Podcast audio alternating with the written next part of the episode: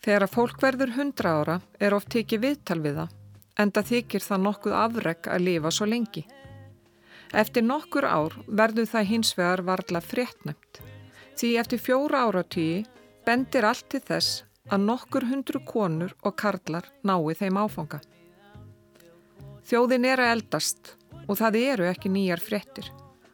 Og gangi spára eftir verða 20% landsmanna eldri en 65 ára eftir 15 ár. Og þessi þróun heldur bara áfram því árið 2064 stefnir í að fjórðungur íslendinga verði eldri en 65 ára. Nú er þetta hlutvall 14%.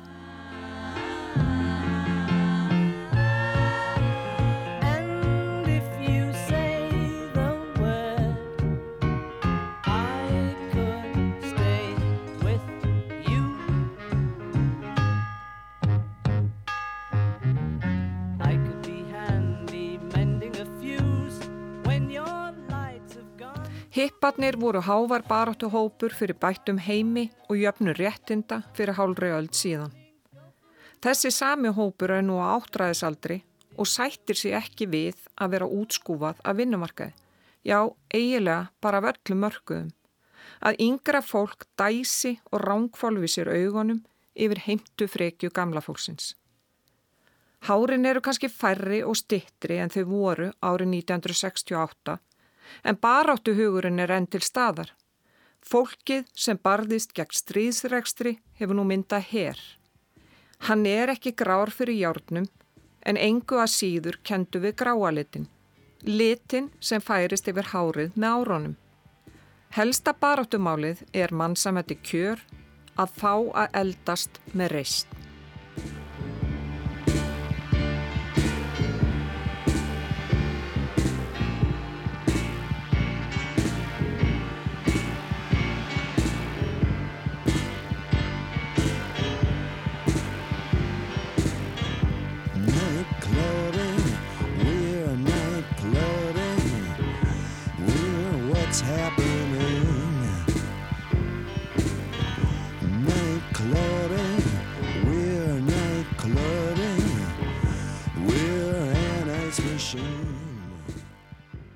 Kontur sæl hlustandi góður.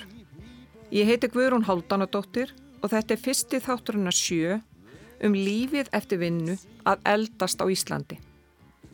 Í þáttunum verða ímsa hlýðar þess að æfiskeið skoðaðar. Tímabils sem sömur fagna en aðri kvíða en rannsóknir sína að um 12% þeirra sem eru 67 ára eldri eru þunglindir. Ardís Valgarsdóttir Sálfræðingur segir að það sé alls ekki sjálfgefið að fagna því að hætta að vinna og hafa allan tíma í heimi fyrir áhugamálinn. Það er volið að misjant hvernig fólki líður á þeim aldrei að, að þurfa að gera þessa breytingar á lífísinu. Og í svömmun tilvökum þá er í rauninni bara fólk kannski ekkit alveg tilbúið til að fara út af vinnumarkaði. Alls ekki, það eru margir sem að sko þessum aldrei fólk bara mjög heilsu gott og, og hérna og margir sem að sko finnst að það sé bara að vera ídæmi rauninni burtu og missa stöðu sína svona í samfélaginu. Og það eru margir ekkit ánaði með það. En það eru líka mjög margir sem eru bara þreyttir eftir langa starfsæfi og vilja gætna hægt að vinna. Og það er náttúrulega þarf að bara taka það þarf að sína báðum hópum eða báðum þessum já, þessum hugmyndu fólks bara skilning og, og leifa fólki að ráða meira um þessi svei, þessum sem að vera talað um svona sveianlega starfslokk að það þyrst að vera miklu, miklu meira um það. Eitt af því sem er mörgum ofalega í huga þegar eftirlaunin álgast eru fjármólinn. Hvernig eigi að láta endan á saman? Það eru margi sem er bara kvíða því að þurfa að hætta að vinna út af þessu. Fólk hefur hefur kannski ekkit efna á að reka húsin sín ef að það hefur ekki minga við sig og margir er náttúrulega erfitt með að minga við sig því að minni íbúðir sem kannski hendabetur eru mjög dýrar. Og það sem hendar fólki á þessum aldri er oft svona nýri húsnaði sem er ekki farið mikla framkandir við eða viðgerðir eða eitthvað svoleiðis. Og það er bara rándirt húsnaði og svo er líka kannski sérstaklega hjá konum þar við erum ennþá í minni hluta hópi með hva, hvað var það sko góð lífeyrisréttindi. Þannig að marga konur hafa ekkert sérstaklega góð lífeyrisréttindi og kvíða því þá hvað tekið að lækka rosalega mikið er að lækka flest hjá flestu, er að lækka tekið tölverst. Eins og við vitum flest þá spyrja geðsjúdómar ekki um aldur en því miður ríkja oft fordómar í garð þeirra sem eru veikir andlega og því reyna margir að leynast líkum veikindum, til dæmis þunglindi. Þunglindi almennt er bara mjög algengt, þetta er mjög algengu sjúdómur á öllum aldri. En hann er, hann er algengari eftir sem fólk eldist. Og, og á Íslandi eru þú sko þunglindi hvenna um 25% og karla 12% einhvern tíma næfinni og þetta eru samt sko þetta er svolítið, þessar tölur eru svolítið á reiki. Það er sumir sem haldaði fram að þetta tölur stærra tölur sína það að, að 12% af þessum hópi sem er þunglindur er 67 ára og eldri. Þeir sem eru inn á til dæmis þurfa að fara á hjúgrunarheimili eða flytjað heiman á í annað búsituform þeir eru þunglindari heldur en þeir sem að búa bara heima hjá sér og eru svona kannski virkari þáttakandur í samfélaginu.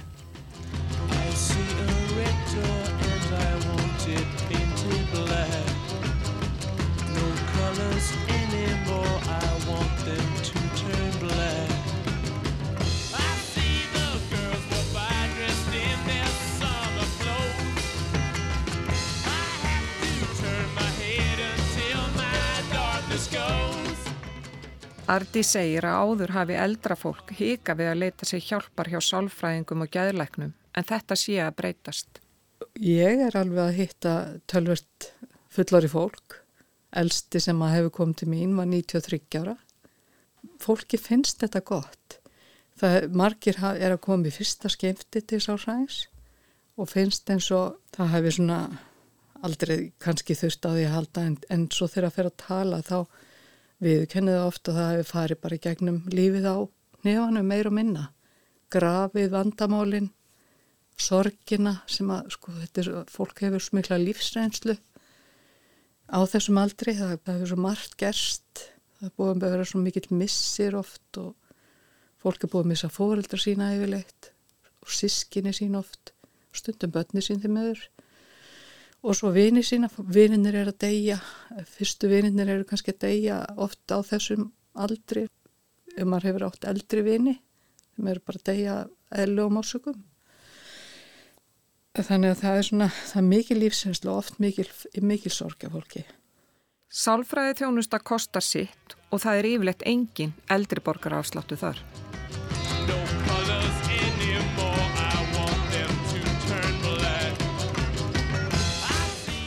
Í miður þá er engin niðurgræslega sálfræðingum. Við erum ekki enþá komið með samninga við tryggingastofnun. Auðvitað þyrti það að vera þegar fólk er komið á og þennan sko, stað í lífinu að hafa svona litlar ráðstöðunatekjur svona almennt. Þá er þetta náttúrulega bara luxus að geta fengja, að geta sko, veitt sér að, að fara til sálfræðings. Það ætti auðvitað alls ekki að vera. Ardi segir að COVID-faraldurinn hafi farið illa með margt eldra fólk og reynst í erfiður. Samskipti hafa jafnvel breysti frambúðar, færri kom í heimsókn og einmannaleiki ekst. Mjög erfitt og sérstaklega sko einangrunin sem að hefur hérna fyllt, hún hefur verið mjög mörg og mjög erfið og eldra fólk náttúrulega hefur verið sko margir hafi ekki hitt fjölskyldur að vini bara mánuðin saman. Og svo, svo, nokkur nemi. Já, eiginlega árum saman til að fara að telja árum. En og svo er líka sko sérstaklega á, fyrir sko bólusetningatímana að það var, það var svo mikil umræðum að þetta, þetta var hættulegt fólki á efri árum að fá þennan sjúkdóm. Þannig að mjög, það voru margir alveg sko mjög hrætt hrættir við að veikjast og fóru þessuna ennþá minna út. Fólk, fólk er ekkert búið að jafna sig á þessar einangrun. Þetta, þetta hefur farið bara mjög illa í fólk almennt, svona sérstaklega eldra, eldri hópana sko. Og ég veit ekki alveg hvað ég á að segja hvort þetta hvort það hefur breytt eitthvað í svona samskiptaminstri ég hugsa að það hefur gert það ennþá við finnst í heyrista á fólkinu sem að kemur til mín að það er ennþá svolítið að passa sig sko. Svo hefur það líka það hefur orðið svona kannski venja að færri eru að fara í, að koma í heimsókn og það hefur kannski svolítið haldist vanin hjá ættingjónum að koma alltaf á einhverjum vissum dögum. Það er ekki búið að taka það alveg upp aftur kannski og svona. Holly came from Miami, FLA Hitchhiked away across USA Plucked her eyebrows on the way Shaved her legs and then he was a she She says, hey babe, take a walk on the wild side Said, hey honey Take a walk on the wild side. Í draugum að stefnu um heilbreyðistjónustu fyrir aldraða sem Haldur S. Guðmundsson, dósent við Háskóla Íslands, vann fyrir heilbreyðisráðuniti, kemur fram að fjölgun í hópi eldrafólks kalli á breytt viðþorf til þessa hóps. Endu skoða þurfi alla þjónustu við þennan aldurshóp. Flest Norðurlandana hafa á síðustu 10-15 árum unnið ítalega kortlagningu og greiningavinnu, ráðist í endurskipurlagningu, bætt samhæfingu og jafnvel gert verkefna tilfæslur millir stjórnsýslustega. Haldur segir að hér á landi hafi alltaf lausnin verið að byggja meira. Hann hafi hins vega talið að aðra leiðir væri mögulega í bóði og fleiri hafi tekið undir það með honum. Ráðunitið og stjórnmáluminn held ég voru byrjaður þessu umræðu, það var á sínu tíma byrjaðins inn í þinginu, það voru vangaveltur fyrir nokkrum ára síðan að þingmenn hafðu samband og við mig allavega og voru velta fyrir sér að því að ég hefði verið með svona kritisk eh, sjónarhórn á það hvað við værum að gera. Talaði til dæmis um að við værum að byggja sagt, í staðan fyrir heilstefta þjónustu og værum við með steinstefta þjónustu því við ringdum alltaf á steipubílin ef það vant að leysa einhver mál. Þá var það lausnin, það er verið að byggja það er verið að byggja. Í staðan fyrir að hugsa um hvað erum við að gera og hvað getum við gert öðruvísi og uh, ég held að það megi segja að sko, hann var mjög markvið stefnumótun í helbyrðisvarandunni eins og ég sé það núna. Og það var einhvern veginn svona lógíst bara með það sem að var í gangi að, að reyna að setja stað einhverja vinnu. Og uh, því var alveg sko haldið á lofti þegar að var verið svona að leggja línutan af þessu verkefni hjá mér að, að menn gerðu ráð fyrir því að það væri hægt að vinna alltaf rætt og vel. Og svo kæmi og, svona, og leggja einhvern grunn sem er umröðu grundvöllar því sem koma skildi þannig að það þyrtti að reyna að skapa einhverja nýja fleti og gera það helst fljótt. Það er svona aðdraðandin en, en, en umræðan um öldrunamálinu er búin að vera lengi í gangi. Þannig að þetta var svo sem bara eins og einhver prestur sagði einhver tíman í Nóri sko það voru allar aðstæði til stað til að akkurat þetta myndi gerast. Í sömar var samþygt þingsáleiktuna tillaga ríkistjórnarinnar sem byggjar á skýslu haldurs en hún nefnist virðing og reist samþætt heilbriðis og félagstjónusta fyrir eldra fólk. En hver eru helstu atriðin í þessari skýslu? stóra myndin eins og það horfur fyrir mér er að, að við erum að fara einlega stokka svolítið upp laga grunninn í kringum þess að þjónustu, hugmyndagrunnin að því hvernig við erum að vinna við þurfum að ebla eh, þjónustu við fólki í heimósi við þurfum ekki bara vegna þess að fólk viljið það heldur líka einfallega vegna að við erum búin að komast á rænum að það er bara mjög auðvitað hægt að gera það og mjög margir aðrir aðra þjóður að gera það líka. Og við þurfum að fjölga úrræðum, við þurfum að bæta við svona persónulegum vítum og, og gera áallanir og virkni áallanir og skipulegja þjónustuna út frá því sem einstaklingarnir geta gert en, og, og, og bæta upp það sem þeir geta ekki og við þurfum að vinna sérstaklega með fjölskyldum að því að velferðin okkar byggir á fjölskyldinni og þeim tengslum og þau eru afskaplega dýrmætt að þessu aldrei skeiði, ekkert síður en annað. Ég myndi svona, þetta verður svona kannski grunnadriðin, að fara inn á alþjóðlega línur fjölga úrræðum, taka mannréttindin og mannréttið barátuna betur inn í þetta þannig að við séum að koma skapa aðstæð til þess að eldra fólk geti fengið að blómstra eins og kostur er og, og virkja samfélagið og fjölskylduna inn í þessa þjónustu. En í mínum huga er þetta ekki skýsla um skiluru nýðurskurð og hagraðingu eða eitthvað slíkt. Þetta er einfallega sko þetta er einfallega það er bara svo lógist að við getum ekki haldið áfram óbreyttu ferli. Það er bara að sjá það allir sem að vinna sig inn í þetta smátt og smátt Á fyrstu 20 árum 2001. aldarinnar fjölgaðum 58% í hópi 70 ára og eldri á meðan að landsmönum öllum fjölgaðum 30% samkvæmt því sem kom fram í frettablaðinni fyrra. Í hópi 80 ára og eldri er fjölgunin 69% og í hópi 90 ára og eldri er fjölgunin 103%. Hallgrimur Snorrason fyrir öndi Hagstofustjóri segir að þetta séu enga nýjar frettir. Það hefur leiði lengi fyrir að þjóðin sé að eldast. Við höfum vitað það ára tugum saman og það hefur verið, það hefur komið fram bæði í öllum tölum og öllum spám sem að, að hérna gerðar hafa verið. Spár hafa verið gerðar nokkuð lengi hérna og og það er sína það mjög greinilega hvernig, að, að, hvernig bæði vöxturinn er í mannfjöldanum og, og hvernig aldur samsetningin er svo að breytast og uh, það er alveg ljóst til dæmis einhvern nýjustu mannfjöldaspá að þá er að verða heilmikil breyting á þessu að vísu ekki alveg í hlutföllum Nú. en hvað snertir fjöldan að þá er það, eh, er það mikil fjölkun á þeim aldruð. Það eru núna eitthvað um 54.000 manns sem eru 65 ára og eldri og eh, eftir 20 ára er gert ráð fyrir því að það verði 87.000 manns eitthvað soliðis.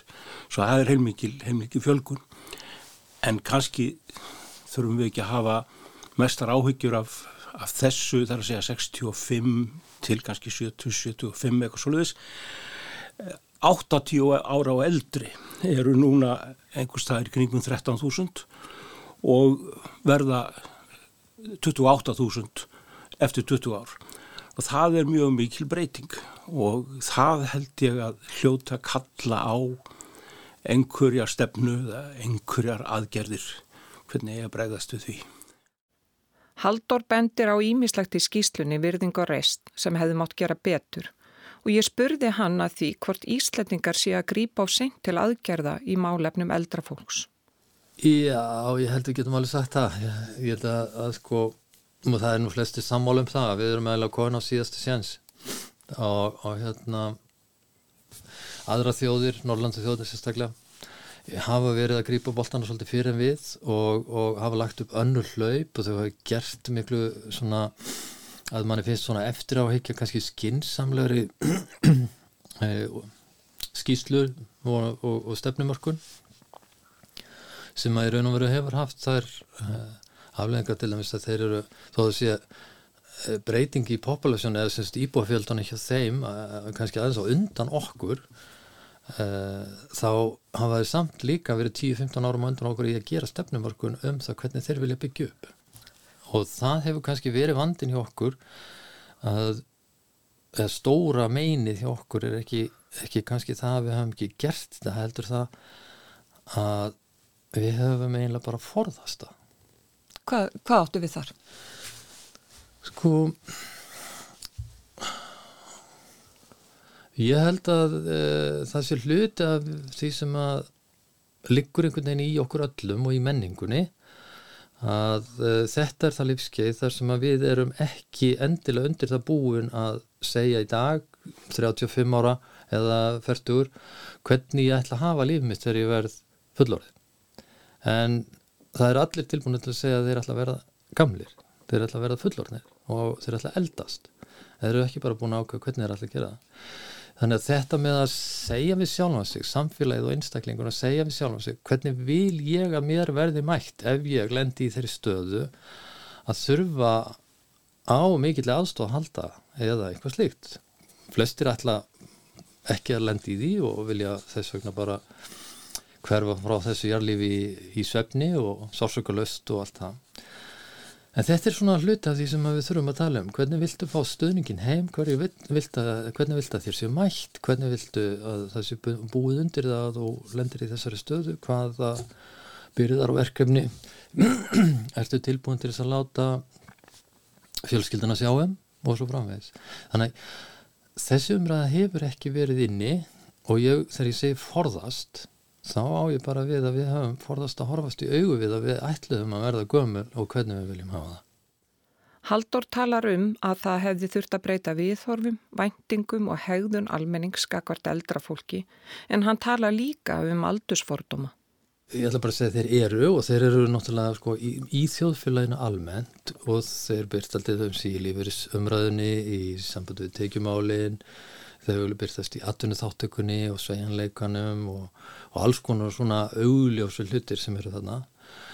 En þeir byrtast líka í meðal eldra fólksins sjálfs vegna þess að, að aldursfórdómar er ekki bara það sem aðrir beita eða tjá með einhverjum hætti okkur þér heldur það líka það hvernig jafningarðinir tala um sig og sína og þú um þig. Hvað þýðir þetta að vera að tala um gráa herin? Hvað erum að segja með því erum við tala um uh, í Evrópussambandinu tala um hugtæki sko silver economy. Það er að segja gráa hagkerfið. Ákveður þurfum við að búa til svona kategóriur ég bara ég held að þetta sé svona hluta því og ákveður er þetta hér ákveður þurfum við í samfélagi að stopna innaríkis hér af eldra fólki til þess að berjast fyrir réttundi sínum? Ég menna hvar erum við ekki í líðræðslegu samfélagi, erum við ekki að tala um það að við viljum dýrka og, og, og upphefja mannréttindi allra einstaklinga, það er mæta öllum þar sem eru stattir og þar fram til góðum, en við stopnum samt herrveldi.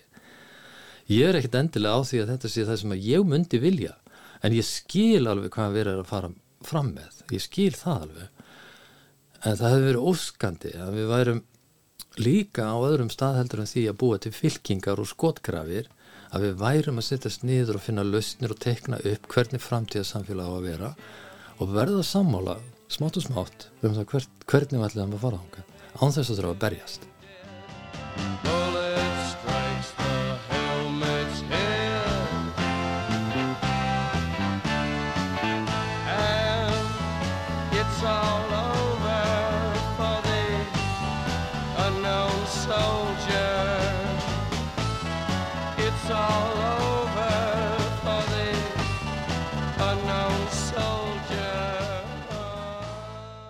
Hallgrimur var hagstofustjóri í rúma tvo áratvíi, tók við starfinu fyrir færtugt og leta störfum rúmlega sextugur.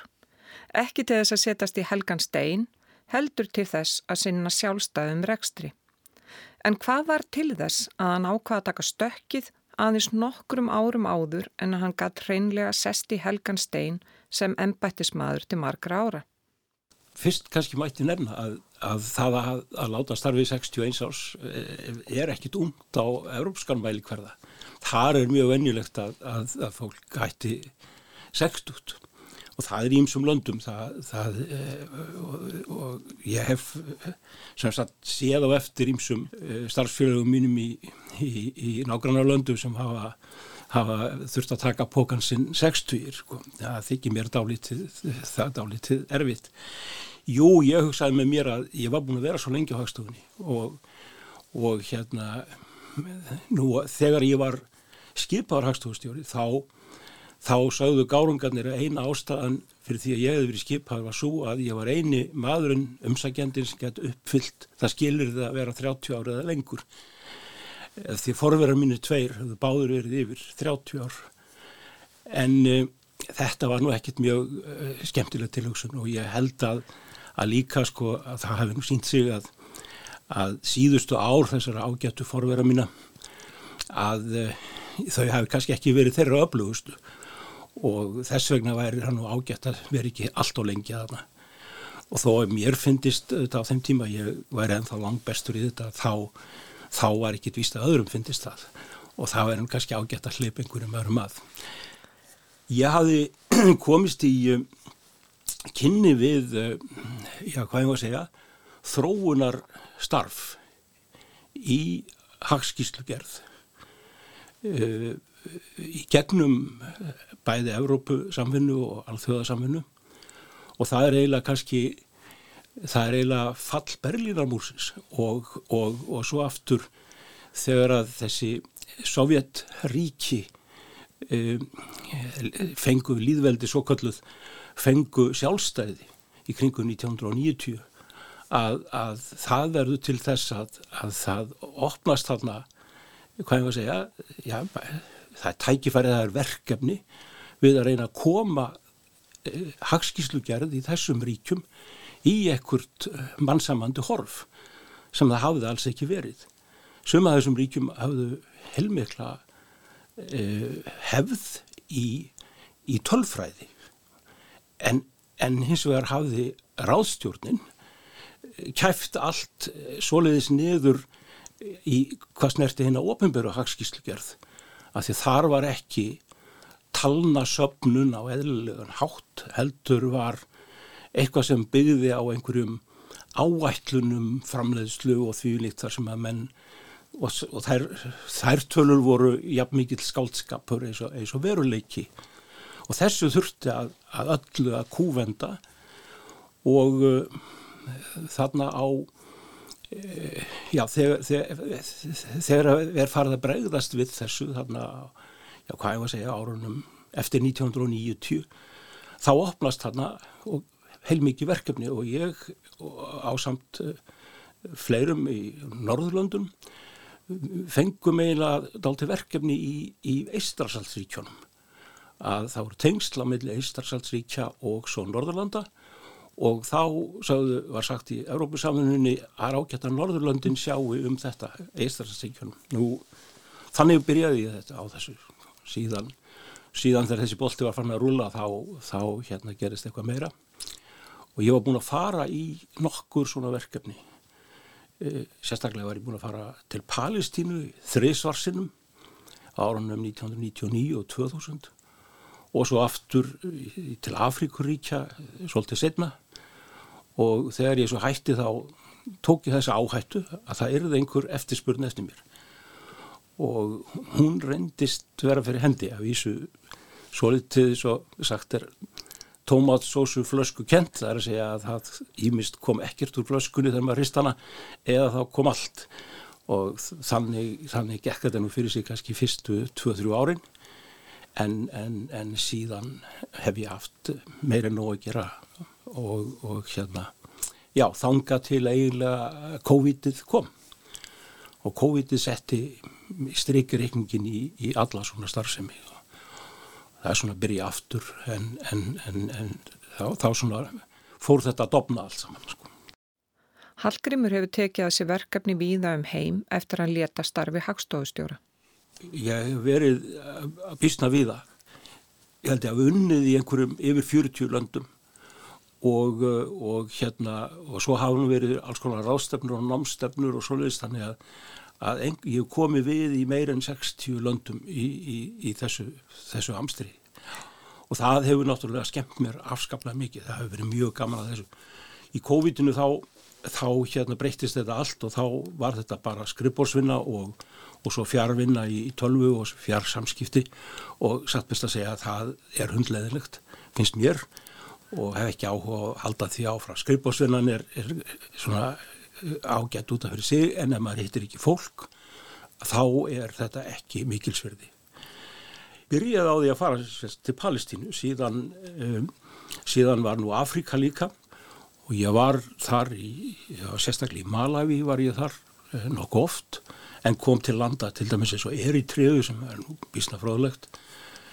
Uh, ég hef verið í Sútan Hef nú ekki verið í Suðursútan það sem reynulega hættulegt að vera en, en, en og, uh, og með þess að í Zimbabwe til tölulega nýla og, uh, og, og það, það hefur verið mjög, allt saman mjög fjölbreytt. Svo hefur verið heilmikið í Araparíkjum á Arabíuskaganum og, og hérna svolítið í Suðaustur Asíu líka og svo núna síðast svolítið í Miðasíu en þetta hefur verið mjög fjölbreytt. Áttu þeir eitthvað uppáhaldsland?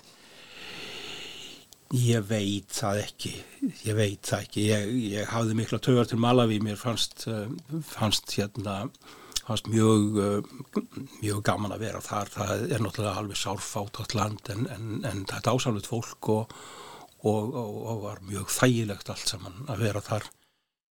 Hallgrimur er í dag 75 ára og eins og fleirum hefur hann reynst erfitt að hætta alveg að vinna. Já, ég er eiginlega nokkur veginn hættur en ekki þó alveg því að það er vist eitthvað, eitthvað sem býður handa við horni sem var vist búið að lofa á einhverju, einhverju hérna, erfiðu augnablíki svo leiðis að hérna, ég er kannski ekki alveg hættur á hann. Slappaðu af Þó að þú sér til þá veistu vel Að Vakti þóli svona mikið kér Hæga Hæga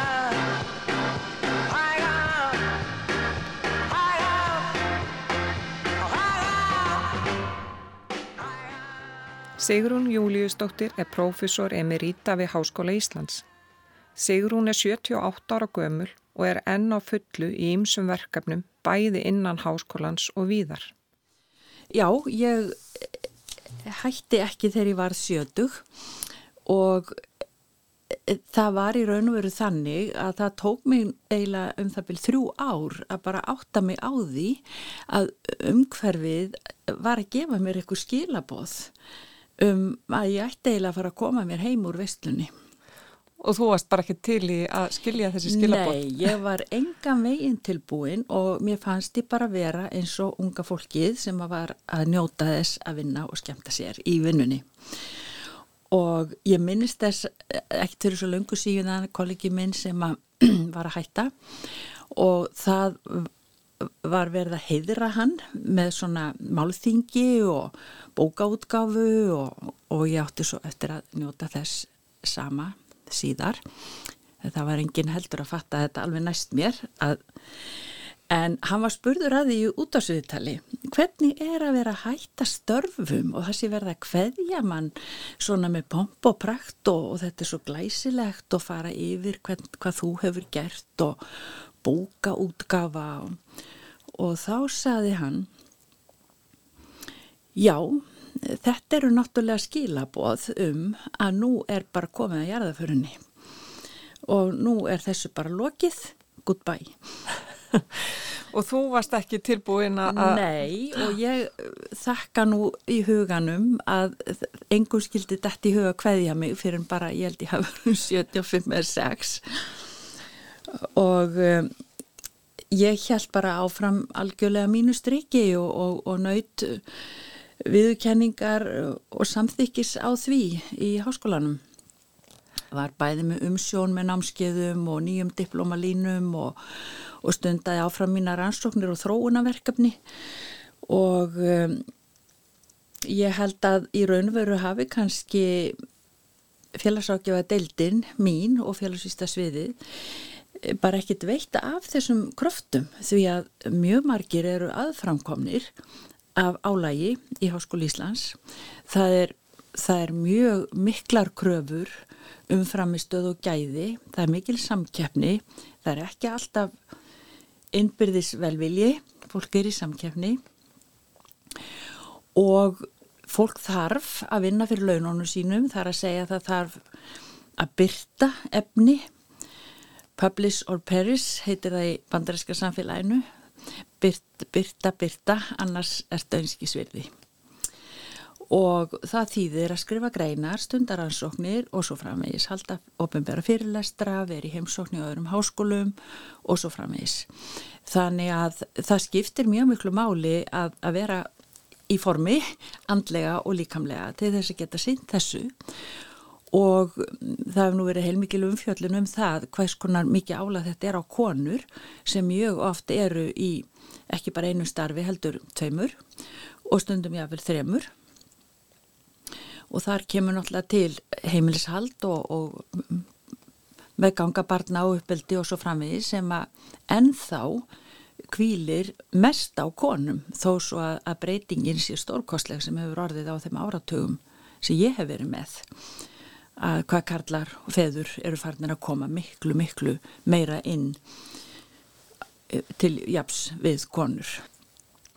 Konur ganga oft í endun í að lífdaga kannski einmitt í kringu 60-70 þá eru börnin farin því verkefni er lokið nema séu þegar komin barnabörn eins og oftin á Íslandi því að við erum með þá að eignast börnum á yngri árum en um, já þannig að konur eiga mjög oft blómaskeið eftir 60-70 vegna þess að þessum verkefnum er lokið en líka vegna þess að, að það eru búin að fara í gegnum sitt breytingaskeið og sem betur fyrr held ég í nánast allum tilvikum koma út með meiri reynslu og þroska.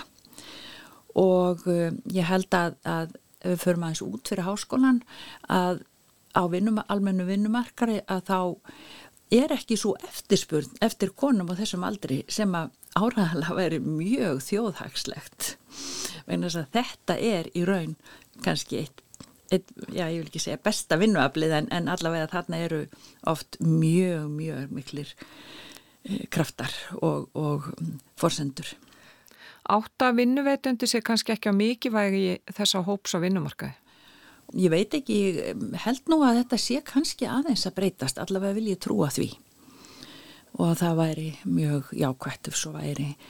En um, svo er líka önnur lið á þessu sem er gaman aðeins að bara nefna að eitt af því sem að hafi svona kvarlaði mér eh, á áttræðisaldrinum að ég hefur ekki stofu, meðferðarstofu ég er fyrir utan hérna akademísku mentunina þá hef ég valið mér að, að sérhefa mig í meðferðafræðum bæði einstaklings og hjóna og fjölskyldna og hefur ekki stofu alveg frá 82 og eitt af því sem hefur verið að gera síðust árin er svona að maður hefur kannski verið með vissar hefasemtur um að maður heldur dampið, það er alltaf að spítast inn týr af ungu fólki nýjútskrifuðu og með alla nýjustu þekkinguna á fingur í puttónum en af því að ég skrifa alltaf hjá mér tek alltaf niður í greiningu viðtala hver hefur vísað þér? Hvernig fannst upp á mínu nafni? Af hverju þú komið til mín? Og svo framvegis. Og í vaksandi mæli er svarið já ég fór nú á vefinn og ég las og ég leitaði og ég var alveg vissum að ég vildi fyrst og fremst finna mér meðferðaræðila sem hefði reynslu og þroska því ég hef ekki trist öðrum fyrir mér.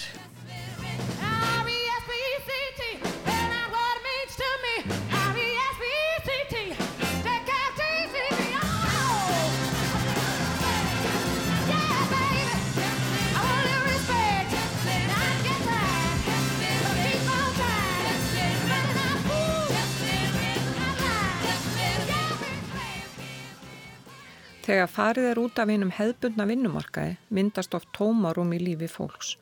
Hjá þeim sem kannski hafa aldrei haft tíma til að sinna áhuga málunum. Í Hafnafyrði hefur verið starfandi félag eldriborgara í 55 ár. Valgerður Siguradóttir Sackfræðingur er formaði félagsins og hefur verið það frá því hún var 63 ára gömul. En hvernig kom það til að hún var svo ung formaður félags eldriborgara? Ég var með fyrirlestur hjá hérna félag eldri borgar á öfnu hús á fymtudegi og þá var leita til mig með það hvert að ég myndi vilja koma og, og hérna að gefa kosta mér til þess að, að taka með forminsku félaginu og þetta, það kom mér mjög óvart. Ég, ég var einhver staðar allt annar staðar þegar ég var spurða þess en, en svo þegar ég fór að hugsa málið þá ég mér okkur ekki? Ég þekkti til starfsins frá því ég var bæjarfyldur í bæjarstjórn hefnaverðar og hafði bara mikinn áhuga fyrir þessu starfi og það gengi vel og svona og það fylst með því þannig og þessu góða fólki sem þar er.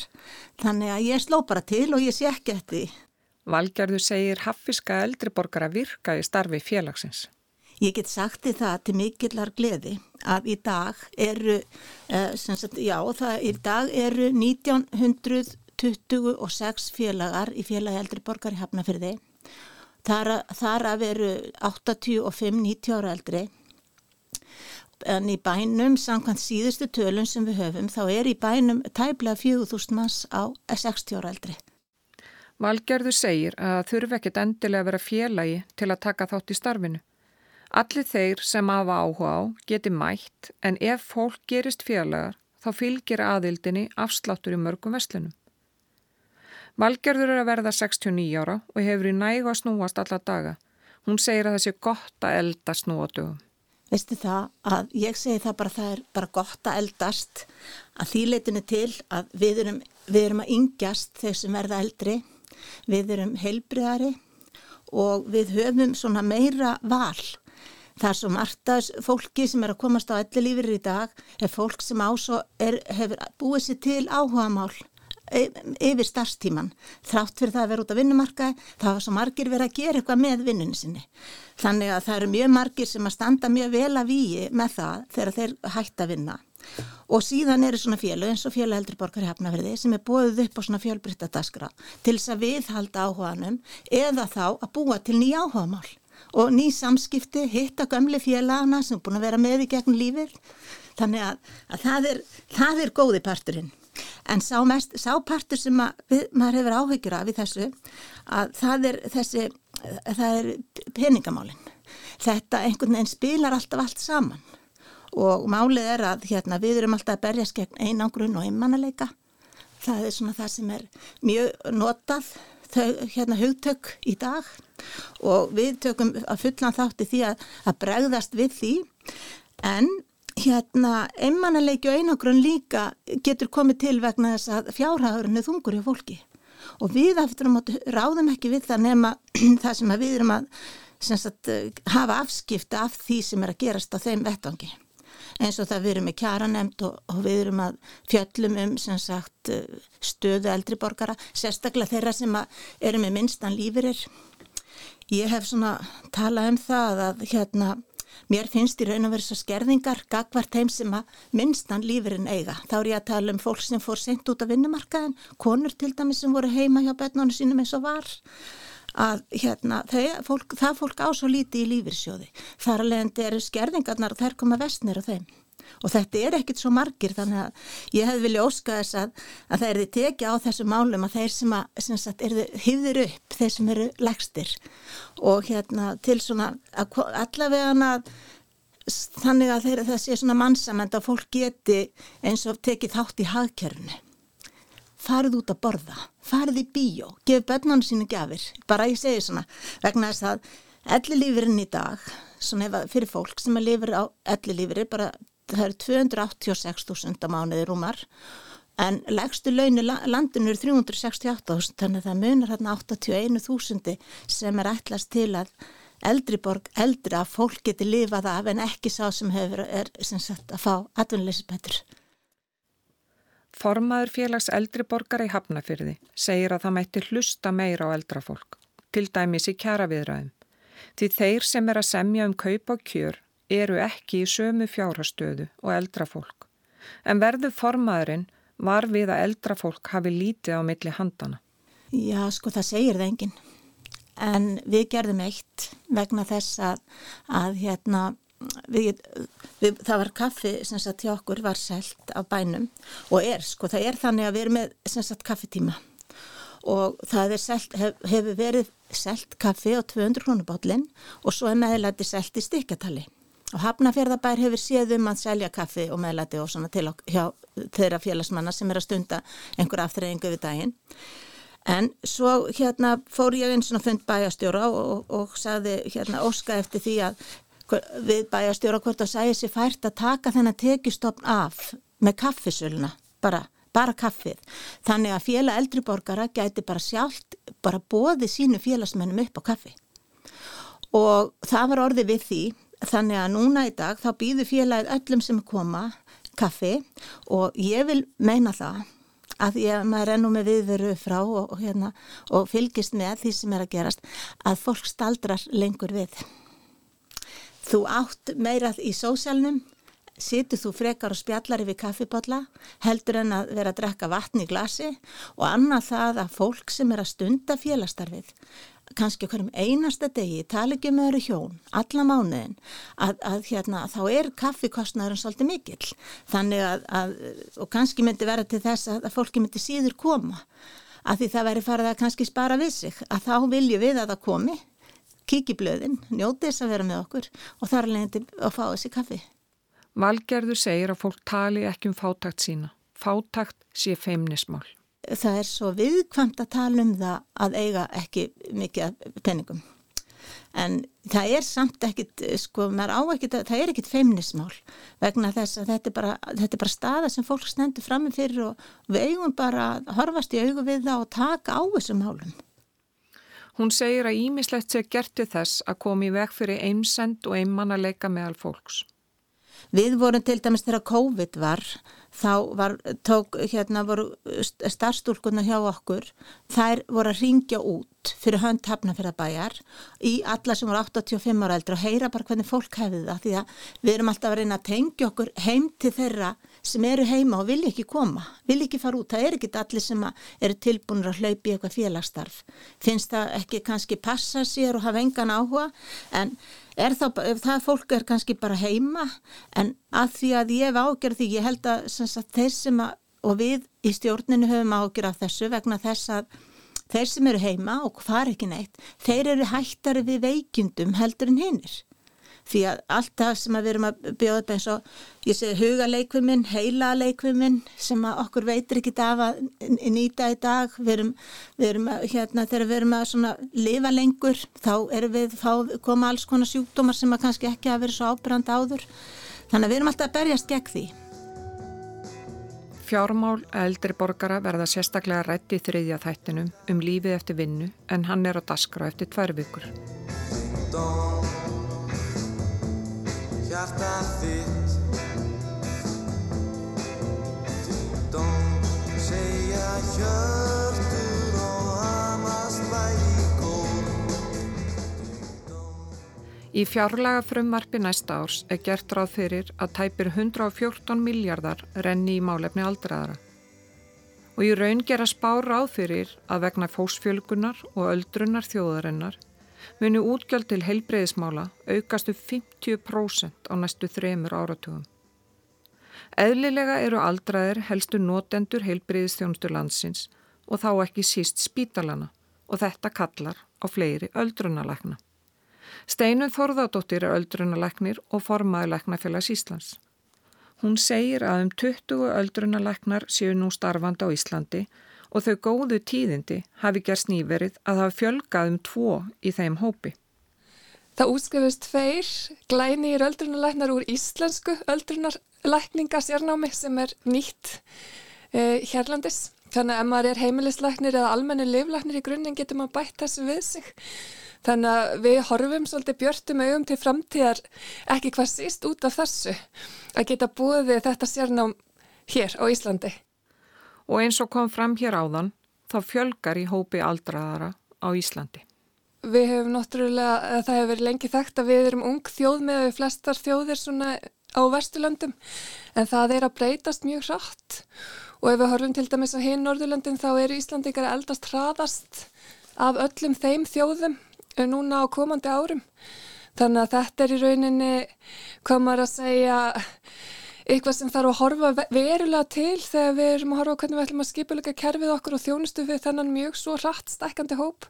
Og það er auðvitað þessi sérhæfing gríðarlega mikilvæg og, og ég er mjög mikil talskona þess að, að það séu kvatar að við reynum að setja inn kvata til þess að beina fólki í sérhæfingu þar sem virkilega er þörf á styrkingu. Þannig að ég er að vonast til þess að bara með fjölþættum aðgerðum þá verði hægt að komast í móts við þennan hrattvaksandi aldur okkar.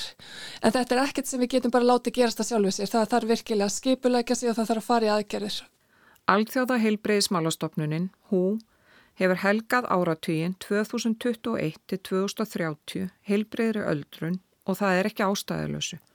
Því miklar áskoranir fylgja breyttri aldursamsetningu þjóða. Hú skilgreinir heilbreyðu öldrun sem ferli sem þróar og viðheldur virkni og stuðlar af velferð og efri árum. Virknin snýstum að hafa getu til aðtapna sem hverjum einstaklingi er mikilvæg til að taka virkan þátt og er okkur öllum til hagspóta. Að fá að eldast með reist, eitthvað sem við eigum öll að hafa í huga.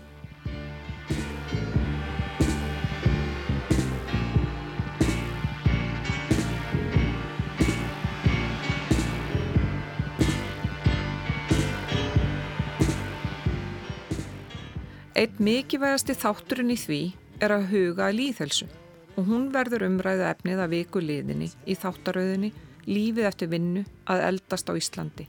Verðið sæl.